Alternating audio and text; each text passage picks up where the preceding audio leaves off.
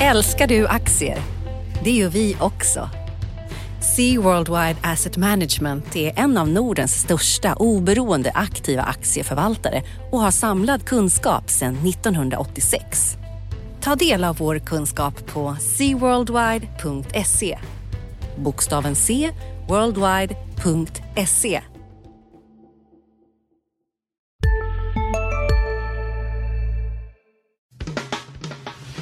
Analyspodden från Dagens Industri.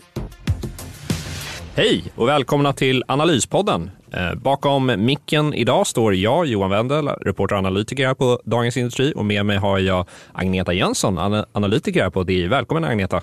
Tack ska du ha Johan! Ja, och eh, när vi kliver in här i studion på fredagsförmiddagen strax innan lunch här så har ju börsen öppnade på plus 0,2 procent och har faktiskt fortsatt upp lite här. Nu är OMX, eh, OMX30 upp 0,4 procent och OMXSPI lite bakom. Lite muntrare miner idag, eller hur? Det är det, men det är ändå en, har varit en skakig vecka. Om vi tittar en vecka bakåt så är börsen ner 1,7 procent. Så vi har tappat lite, vi är upp 16 procent i år, men det har varit Eh, när våra kollegor stod här i förra veckan så hade börsen gått upp eh, åtta dagar i rad, men den sviten är bruten nu. Den sviten är bruten nu och vi hade ju det där börsrekordet också faktiskt ju för OMXSPI, breda indexet, som vi fick fira för, vad var det, två veckor sedan va? Ja, det var något sånt där. Ja. Men nu eh, kommer vi in i det här oktober som säsongsmässigt brukar vara lite skakigt innan det tar avstamp för lite bättre utveckling resten av året. Men det händer en, det är ganska mycket om vi tittar lite mer globalt på börserna så skakar det till lite här och där. Ja, men verkligen. Alltså om vi tittar över eh, den här ankdammen som vi kallar Atlanten så har vi ju haft ganska stökig börsnotering av det här, eh, eh vad ska man kalla det, leasingföretaget WeWork. Det är lite oklar affärsmodell kan man väl minst sagt säga. Eh, och eh, de skulle ju börsnoteras och eh, det snackades om en värdering på 47 miljarder dollar. Den fick de kapa. De testade intresse på 10 miljarder dollar och det var ingen investerare som nappade. Och vdn Adam Neumann där har ju fått gå och största ägaren där är ju japanska Softbank som via sin Vision Fund där, som har gjort massa investeringar i sådana här techbolag. Men jag tyckte det var intressant där, för man såg på amerikanska aktier där, en, jag tyckte man såg en ganska tydlig WeWork-effekt. Vi såg Slack har stängt på all time low flera kursdagar i rad. Bland annat igår på torsdagskvällen så stängde den på nytt all time low. Uber är väldigt nära all time low. Deras all time low är strax över 30 dollar. Den handlas nu på strax över 31 dollar. Även Spotify, Lyft har gått dåligt. Eh, så alltså jag... det är lite opportunistiska affärsmodeller som börjar ifrågasättas typ? Ja men verkligen investera. Och det som jag hoppas på det är att vi nu får en besinning bland investerarna. Att vi börjar så tänka att okej, okay, Tesla Teslas peer är inte Netflix. Teslas peer är BMW. Alltså att vi börjar värdera de här bolagen till lite mer rimliga multiplar. Eh, och sen så om de har en hållbar affärsmodell, då är det naturligtvis ett plus också kan man väl säga. Det brukar vara ett litet plus om de ska vara kvar här när lågkonjunkturen är över. Ja, men vi får se. Jag kanske får fel här nästa vecka. Då handlas alla de här aktierna upp. Men jag tyckte det var lite intressant att notera det här i alla fall. Men det är det ju och det är lite, lite toppsignal också att man börjar titta på de här bolagen och lite mer kritiskt granska och inte bara köpa eh, alla positiva framtidsutsikterna här. Exakt, och, och tar vi tillbaka till Europa, även i USA, så har vi haft vinstvarningar under veckan här, eller hur? Precis, verkstadssidan har ju varit riktigt dramatiskt. Eh, dels var det ju riktigt dåliga Eh, sådana här preliminära eh, inköpschefsindex från industrin i Tyskland. Det var nere på strax över 40. Det var tydligen sämsta nivåerna på nio år. Och eh, sen följde det på med ett pärlband av vinstvarningar. Det var ju dels den här ett tyskt bolag som heter Pfizer eh, Vakuumteknologi Technology som konkurrerar med Atlas eh, vakuumteknik som vinstvarnar. De skyllde inte på konjunkturen utan snarare att ordrar skjuts upp och, men det är i och för sig också en signal om osäkerhet. Och sen var det den här robottillverkaren Kuka som är konkurrent till ABB som då pratade faktiskt om det här med en global inbromsning och särskilt i Asien och Europa. Och sen hade du den här bromstillverkaren SAF Holland eh, som är i samma segment som Haldex, där de ändrade från de trodde att de skulle växa vinsten med 4-5 procent, eh, men istället så vänder försäljningen ner. Så de tror att det kan bli minus 3 nu och de tappade 25 procent av börsvärdet på det här. Så att en hel del av det här är riktat mot sådana som är underleverantörer till fordonsindustrin och den har ju tufft utan många anledningar med omställning och sådana här saker. Men eh, man får nog ändå ta det här lite på allvar. Ja, verkligen. Och det känns, magkänslan är att eh, mycket problem härstammar från Kina. Det slår hårdare mot Europa än USA. Vi är mer exportberoende. USAs konsumenter mår fortsatt helt okej. Okay. Men eh, kikar vi nu här inför Q3 som ska komma eh, om några veckor, här börjar dimpa in, så känner väl jag att jag undrar om analytikerna har riktigt tagit höjd för att det blir kanske lite trista överraskningar och att bolagen varnar för avmattning framöver och så vidare. Jag, jag, jag känner att bågen är rätt spänd alltså. Och det är svårt att ta höjd för det innan det händer. Och du har ju haft den här extra faktorn med handelskriget USA och Kina som vi alla är trötta på nu som gör att det är väldigt svårbedömt den här gången vad effekterna är utav det där. Och då har vi Mr Trump som håller i taktpinnen där.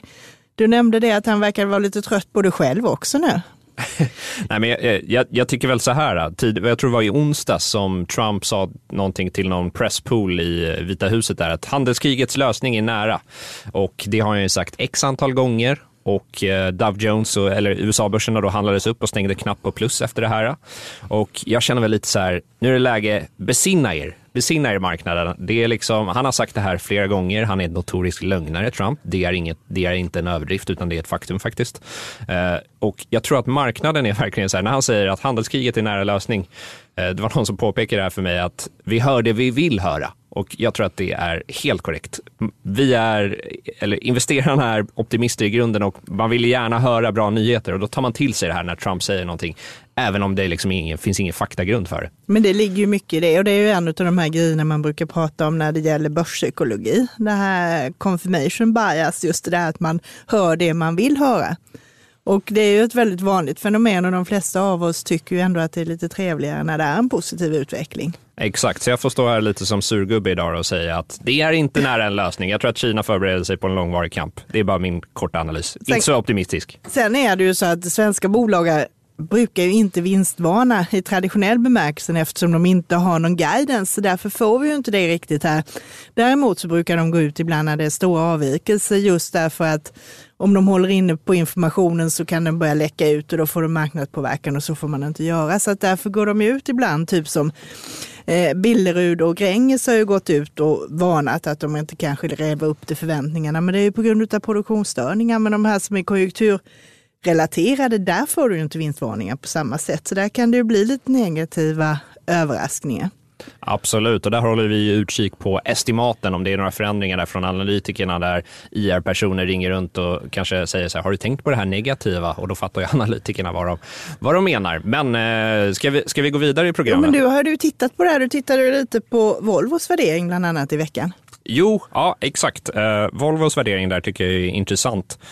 De är ju lägre värderat nu än SKF och det är ju kanske inte en komplimang. SKF brukar vara väldigt lågt värderat och har varit det under längre period. Eh, och Volvo där, jag tror att man, det är flera olika saker som spelar in. Det har varit lite trista signaler om lastbilsmarknaden. Du har en konjunktur som kanske inte ser kanon ut i övrigt.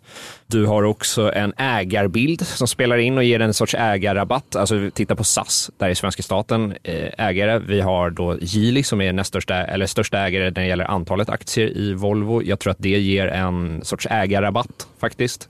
Men framför allt så tror jag att alla vet att Volvo kommer göra ett bra, eller alla räknar med att Volvo kommer göra ett bra 2019, men man oroar sig helt enkelt för 2020.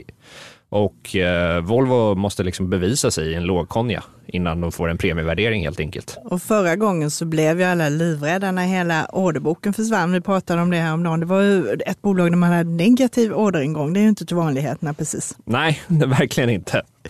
Sen hade vi en del andra eh, grejer i veckan. Ericsson gick ju ut med det här nu att man har förhandlat om sina böter och kommit fram till ett belopp. Man tror man får böta Eh, en miljard dollar motsvarande nästan 10 miljarder kronor och sen lägger man på 2 miljarder i kostnader för hanteringen utav det här. Och det handlar ju om affärer som de har gjort väldigt många år tillbaka under en lång period och det handlar ju om korruption och mötor, eh, mutor och det man säger är att de har brott mot Ericssons etiska kod och efterlevnad av amerikanska regler kring korruption då i sex länder, bland annat Kina och Saudi. Och det är skönt att få veta det här nu, för det har funnits på tapeten länge. Ericsson varnade i halvårsbokslutet här att det skulle bli betydande belopp och nu vet man det här. Det är i princip vår kollega Rickard Bråse skriver det här, det motsvarar ungefär ett års eh, fritt kassaflöde så att säga. Så att det säger nästan en årsvis som man bränner iväg eh, på det här nu.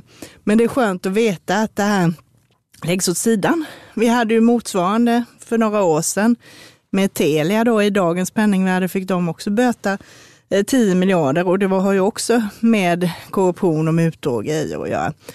Och det är ju intressant att se, det här var det ju då SEC då, amerikanska motsvarigheten till Finansinspektionen och eh, justitiedepartementet som dömer ut de här grejerna.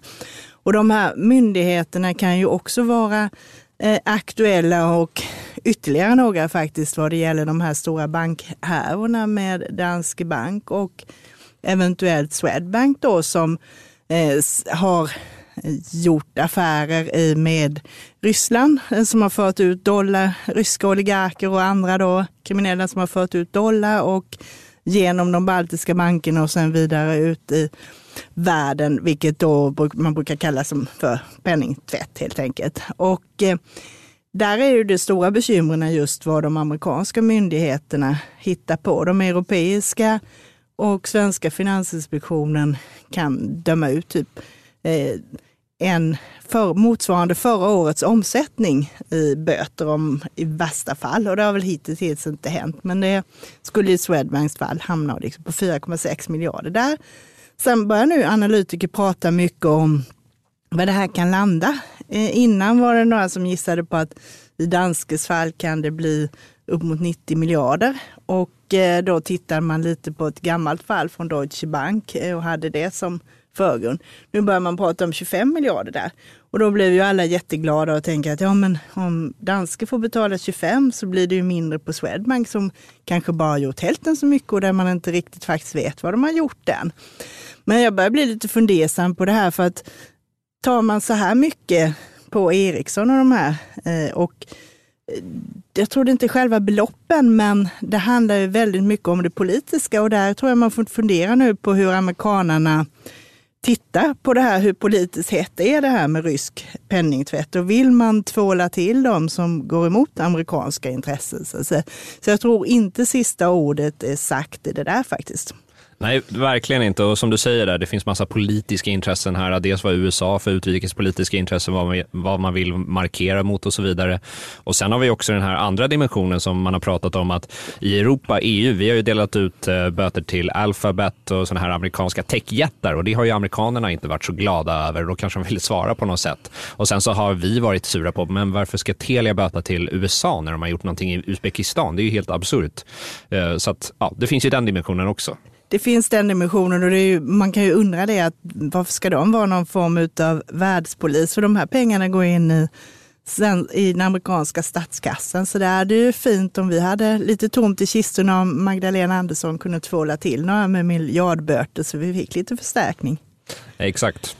Sen har jag tittat också på det här med Kinnevik. Jag var på deras kapitalmarknadsdag i förra veckan och fick lyssna på väldigt många av de här intressanta onoterade bolagen, deras strategi är ju att de investerar i konsumentrelaterade bolag där du har en stor marknad, du har stor potential att växa och det är nya grejer, mycket åt det digitala hållet.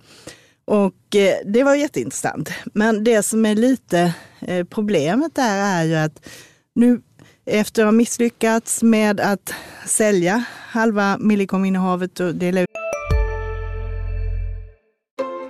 Sista dagarna nu på vårens stora season sale. Passa på att göra sommarfint hemma, både inne och ute. Och fynda till fantastiska priser. Måndagen den 6 maj avslutar vi med Kvällsöppet i 21.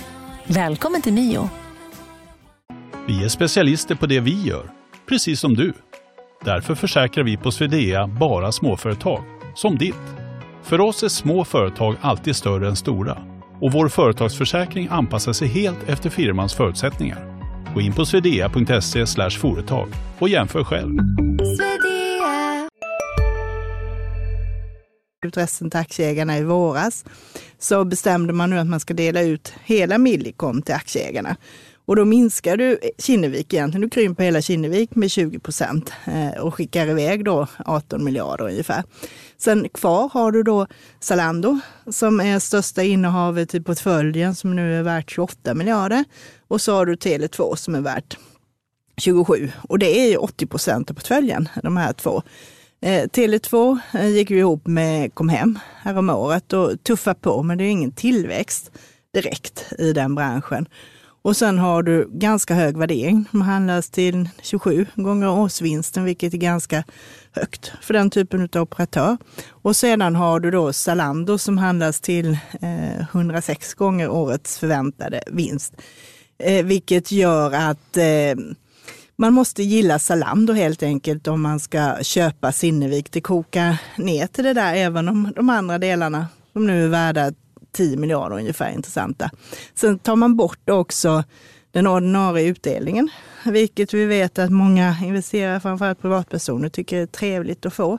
Och istället kommer man då dela ut pengar lite mer ad hoc när man gör en exit och sådär. Så det tror jag kan vara lite nackdel. Sen har du ett nytt team. Vd Jordi Ganev är ju ganska ny. Eh, man har inte varit med och gjort några av de här framgångsrika investeringarna. De gjorde ju så långt tidigare. Och Kinneviks investering i Zalando, den kom ju via den här tyska eh, bolaget Rocket Internet som har hjälpt till med de där. Så jag tror teamet måste bevisa sig. Och det är också eh, som jag tycker är lite osäkert i det här är att det är en så liten organisation.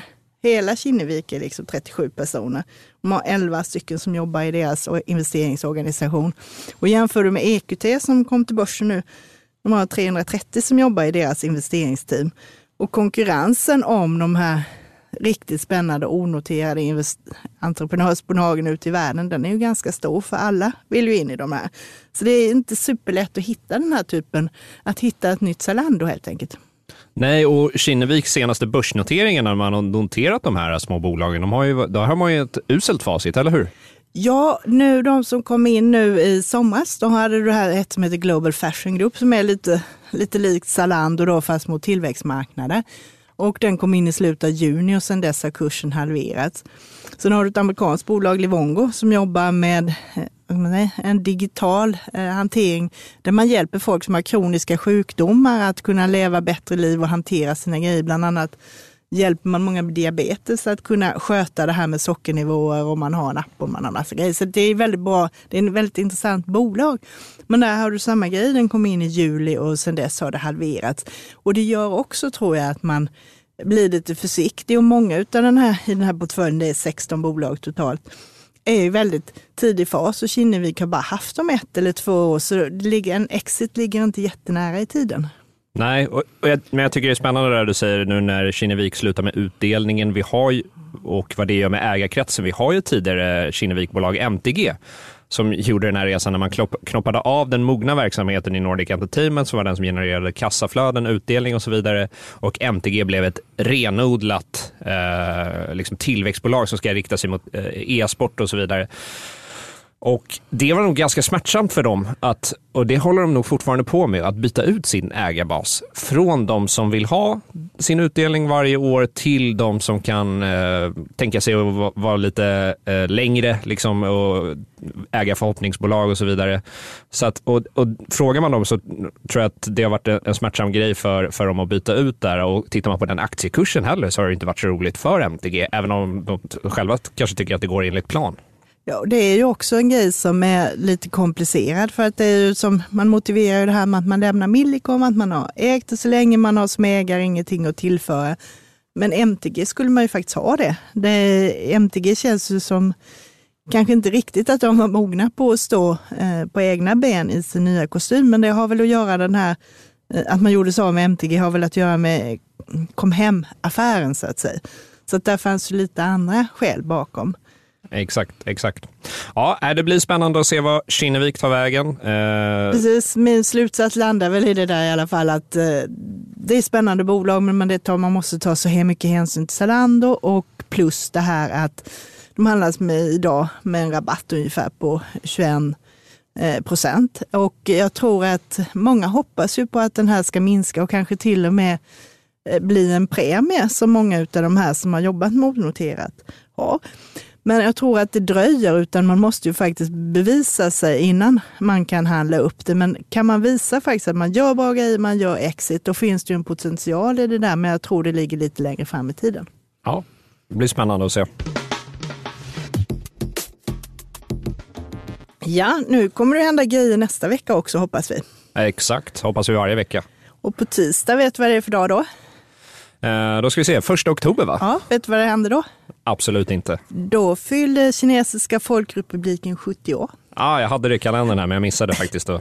Och det är ju en sån här stor grej för dem. Eh, det låter kanske fånigt, men då vill den här regimen framstå i god dager och det är en massa firan och det får inte vara någon massa stök. Så att man har ju, jag tror det bidrar också till det här att man är, har haft liksom en lite mer lågmäld och positiv approach i handelsdiskussionerna. Och man också dämpat ner det här med oroligheterna i Hongkong. Sen är ju frågan då vad som händer när det här firandet är över och man kommer tillbaka till vardagen igen. Risken är väl att det kanske kan stöka till lite igen där faktiskt. Ja, det sägs ju att man som människa blir lyckligare ju äldre man blir. Jag vet inte vad som gäller länder där. 70, 70 år, det känns som en hälsosam livslängd där för Folkrepubliken Kina. Men Kina som koncept har ju några fler år på nacken än bara 70 år, om vi säger så. De har ju det och det har ändrats under resans gång och det är inte helt lätt att förstå tankegångar om vad som händer där. Nej, men så har vi lite annat som händer också, eller hur? Precis, på torsdag så kommer det rapporter igen. Det är ju Skistar. då. Eh, de har ju inte tjänat så mycket pengar under det här kvartalet där det inte har varit mycket med skidåkningen. Precis. Däremot så är det som är intressant är att titta på bokningsläget här inför eh, nyår och julhelger och sådana här grejer. Så det kommer man titta mycket på där. Absolut, och där har vi ju den här intressanta arbetslöshetssiffran från SCB som kom förra veckan, att det var 7,2 procents arbetslöshet nu i Sverige. chocksiffra. Och eh, det påverkar ju Skistar ganska mycket. Eh, blir man arbetslös, då tror jag inte man tjackar ett liftkort för hur, mycket, hur många tusenlappar är det de tar nu igen? Det är ju inte jättebilligt. Nej, det är snordyrt har jag hört. Ja, och det kanske i och för sig så har du tid att åka skidor då, men det är kanske inte där du lägger dina pengar. Nej, jag tror inte det. Men vi har ett lite större bolag som rapporterar också, eller hur? H&M. Ja, H&M kommer också och där vet vi försäljningen, den ökade ju med 8 procent under det här tredje kvartalet som var juni till augusti och det var som väntat. Och aktien har ju gått väldigt bra i år. Den är upp 50 procent nu. Så att de har kommit tillbaka, man har fått tillbaka lite av marknadens förtroende, men analytikerna släpar ju fortfarande efter. Kursen står runt typ 189 idag och eh, där ligger riktkurserna på 155. Så du har sett nu senaste veckorna så har en hel del analytiker börjat justera upp, men man ligger fortfarande efter. Så där springer man efter nu. Och eh, där kommer man säkert fokusera nu mycket på eh, marginalerna. Man eh, räknar med att ett resultat för skatt på 5 miljarder här under kvartalet och det är en miljard bättre än motsvarande period förra året. Så jag tror eftersom den har gått så mycket så tror jag att det blir lite mer av en icke-händelse. Levererar man enligt prognos nu så är det liksom bara check i boxen och så kan det rulla vidare ett tag här. Ja, och där är väl lite spännande där, för man kan ju tänka att när H&M gick ner, då låg ju faktiskt de flesta analytiker efter på vägen neråt med sina prognoser, hela tiden nedjusteringar och så vidare. Nu har man ju legat efter när aktien har stigit också och det där är väldigt spännande för jag tror att, jag tror att de som är långa H&M, de är nog betydligt mer optimistiska än vad analytikerna är i sina vinstestimat. Det måste de vara, tänker jag, för anna, annars är det en alldeles för hög värdering. Det, de tror ju naturligtvis att man rider ut det här och att eh, mycket att ta tyngs av alla de här investeringarna i e-handel och grejer, men nu börjar man ju se faktiskt lite att det börjar vända runt. Eh, och när det var som värst var det ju tvivel egentligen på om H&M skulle klara det här, den här omställningen överhuvudtaget. Ja, Nej, men de, de eh, lever och står fortfarande. Precis. Sen har du däremot dagen efter ett lite mindre bolag i samma sektor som kommer rapport, nämligen MQ som har varit riktigt katastrofalt i år. Den är ner 66 procent och har nu ett börsvärde på 260 miljoner. Och det är trots att de gjorde en nyemission i våras på 176 miljoner. Så att det är inte mycket kvar i ja, är... bolagsvärde i MQ. Dramatiskt fall. Det är väldigt stort och där har du lite det där eh, vinna eller försvinna. Du har ju familjen Kviberg och Öresund som äger 20 procent. Eh, det man kan säga kanske är lite, du så Mellby Gård köpte ju ut Kappahl från börsen nu. Eh, det kan ju vara någon som ser det som ett sån här struktur case att det finns någonting att göra åt det. Men annars är det tufft. Man tittar i faxet så har analytikerna lagt av att följa MQ. Där finns inte ett enda estimat längre. Jag hittade en lite äldre analys här från i juni utav Kepler-Chevaux som då tyckte att MQ är värt eh, 1,90 och kursen står idag i 2,50 så att de är inte helt optimistiska de heller. Nej, det, det, är de inte och eh, bara ska lägga till det för tydlighetens skull där eh, Melby Gårds köp av Kappahl där är inte riktigt klart än. De nådde ju bara en acceptgrad på 88 procent här, men de har ju förlängt budfristen här lite i veck, tidigare i veckan. Det stämmer bra och eh, det är intressant. De måste ju komma upp i 90 procent för att kunna begära tvångsinlösen på resten och de sa ju tidigare att de inte skulle höja så att där finns ju faktiskt risken att om de inte kommer upp i 90 procent så faller hela budet och det kanske man ska tänka på om man har sådana där kvar. Ja, nu var det så, Mellby Gårds vd Johan Andersson, han lät rätt optimistisk. Jag tror han har väl inget annat val kanske, men det lät som att de trodde att de skulle få den där äh, affären i hamn. Ganska många mindre aktieägare som de inte hade fått svara av och så vidare. Men äh, det blir spännande att se. Händer det något mer? Lite äh, annat? Industrivärden kommer ju också med rapport. Där är själva rapporten inte så mycket, för vi vet ju vad de äger och vi vet hur deras bolag ska gå. Däremot är det ju intressant hur Helene Stjärnholm och kompani snackar om konjunkturen och hur de ser på läget framöver. De har ju mycket industritungt i sin portfölj. Ja, därav namnet kanske. Eller hur? Och eh, sen, det glömde jag säga när vi var inne på det här med första oktober, då kommer ju hela de här inköpschefsindex för industrin för hela världen. Det kommer ju alltid första vardagen varje månad.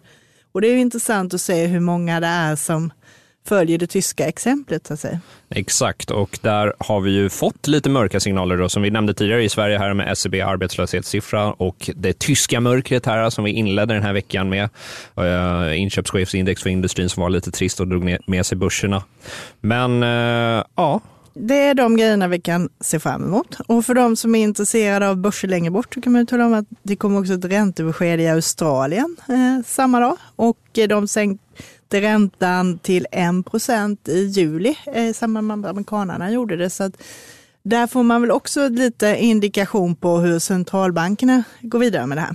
Ja, ja men kanoners. Uh, jag tänkte vi skulle runda av här, men tänkte också säga det att uh, ni får inte glömma att lyssna på våra andra poddar, eller hur? Nej, vi har ju flera stycken. Vi har kollegan Viktor Munkhammars Makrorådet som spelades in i veckan och där finns väl anledning att lyssna lite extra noga på det.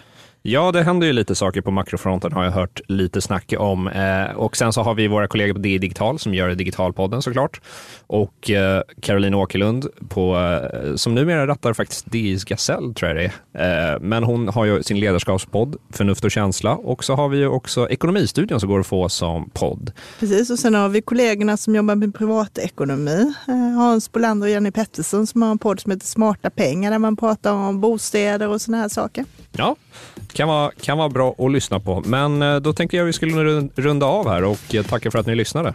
Eh, tack ska ni ha och trevlig helg allihopa där ute. Trevlig helg, hej då! Analyspodden från Dagens Industri. Programmet redigerades av Umami Produktion. Ansvarig utgivare Peter Fellman.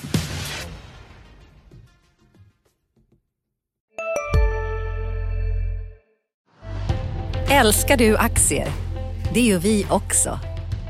Sea Worldwide Asset Management är en av Nordens största oberoende aktiva aktieförvaltare och har samlad kunskap sedan 1986. Ta del av vår kunskap på seaworldwide.se. Bokstaven C, worldwide.se